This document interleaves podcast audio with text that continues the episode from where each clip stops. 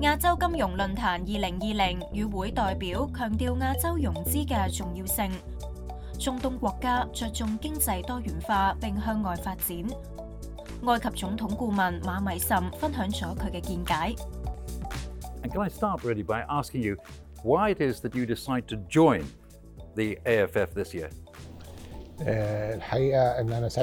we know that these discussions are always related to infrastructure and technology And we have in Egypt a revolution in this regard, which is headed by our president.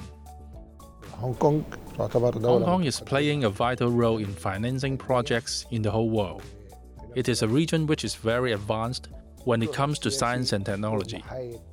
So, how are the Suez Canal uh, economic zone projects and the port projects actually going at the moment? The idea of creating the Suez Canal Zone is to create life around that area. It helps us to create free cities like Suez, Ismailia, and Port Said. I see this as related somehow to the Belt and Road Initiative, the development which is driven by Asian countries like China, India, and Japan. Has shown the trade has been moving from east to west of the world. In this case, the marine canals are really important to implement this role. And where it comes to the Belt and Road Initiative, do you see a greater degree of investment between Egypt and Hong Kong in both ways? I mean, both in trade and investment.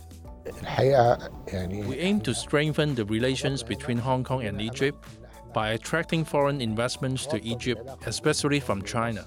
China is a strong country, and we aim to attract Hong Kong companies to finance Egyptian projects. So, in attending the Asian Financial Forum 2020, do you see the forum really as providing a great deal of what you'd call thought leadership, investment, and of course entrepreneurship? Those things, also, of course, networking here at the AFF. The discussions I have attended here show that Hong Kong has really strong relations when it comes to investing in the whole world. It has always new mechanisms when it comes to finance and how to save time and know about business and finance from other companies from the whole world.